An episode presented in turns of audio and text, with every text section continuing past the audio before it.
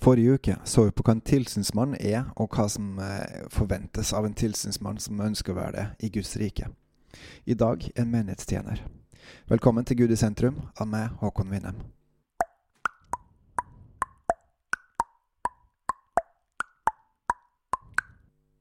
Som sist skal vi til 1. Timoteus 3. Eh, der snakker Paulus om hva en menighetstjener er.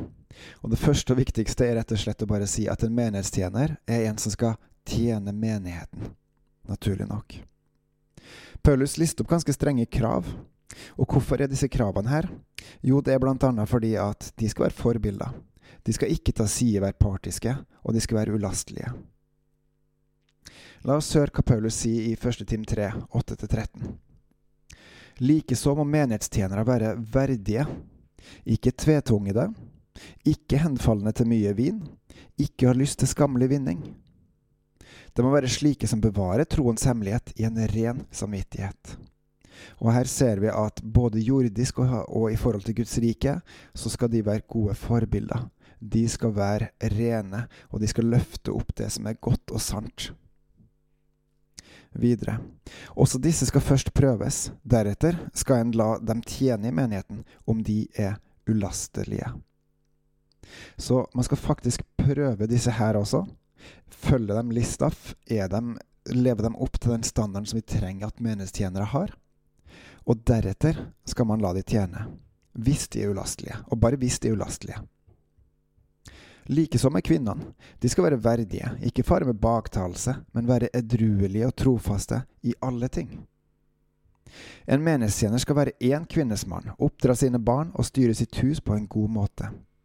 For de som har vært gode menighetstjenere, får sjøl en akta stilling og stor frimodighet i trua på Kristus Jesus. Så ut ifra en liste her så hører vi at en menighetstjener skal både ta vare på folk, menigheten, på jordisk måte, men han skal også gjøre det på Guds måte. Så det handler ikke bare om å tjene menigheten på en hvilken som helst måte, men ut ifra Guds ord. Ut ifra det ulastelige, det uklanderlige, det som gjør til at en tjener menigheten ut ifra Guds ord. En stor og viktig oppgave. La oss se på et eksempel i Bibelen som snakker om det her.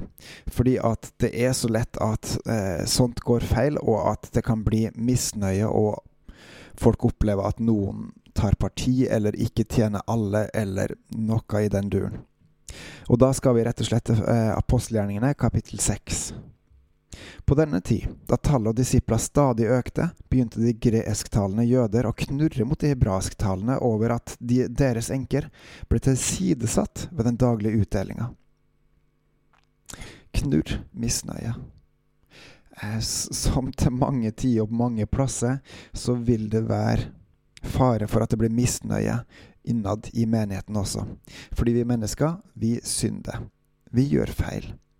Det har skjedd, og det vil skje igjen, dessverre. Og den knurr og misnøyen, den kan absolutt skje i dag også. Og spørsmålet er jo, har vi menighetstjenere som oppfyller Paulus' i liste?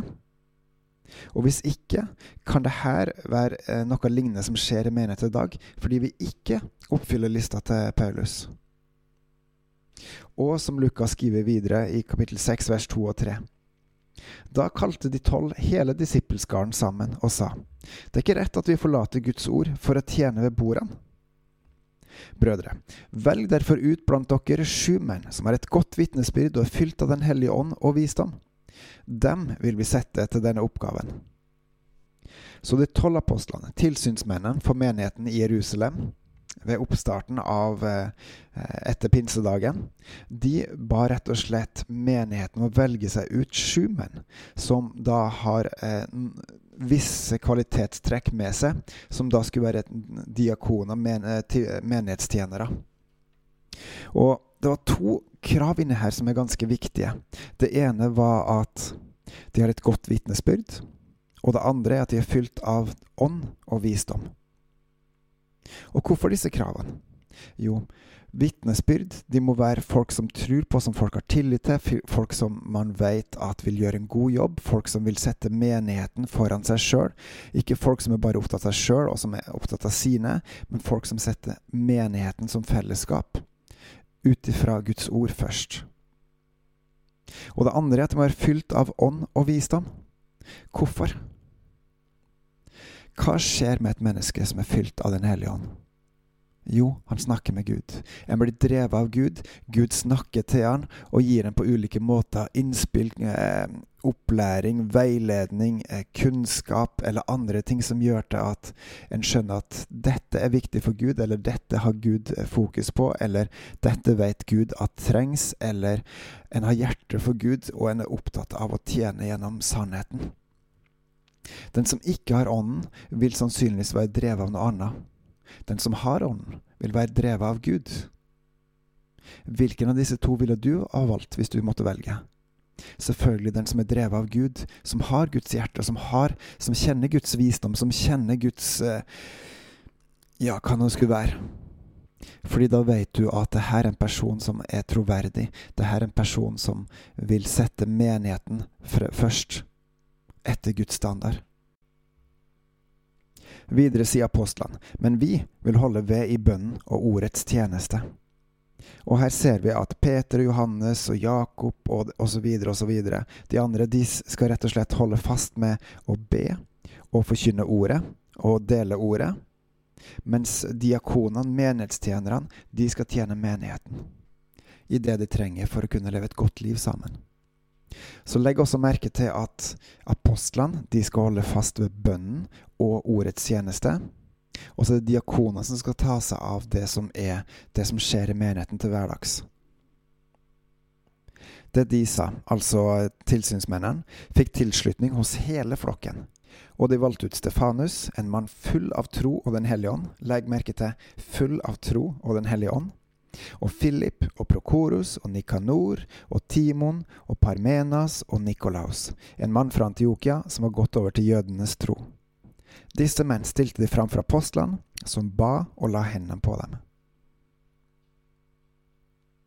En menighetstjener skal tjene menigheten. Ikke seg sjøl, ikke sine, ikke de en liker, ikke de en vil, men menigheten. Og da skal de være verdige, ikke tvetvungne, ikke henfallende til mye vin, ikke ha lyst til skamlig vinning. Og de må være slike som bevarer troens hemmelighet i en ren samvittighet.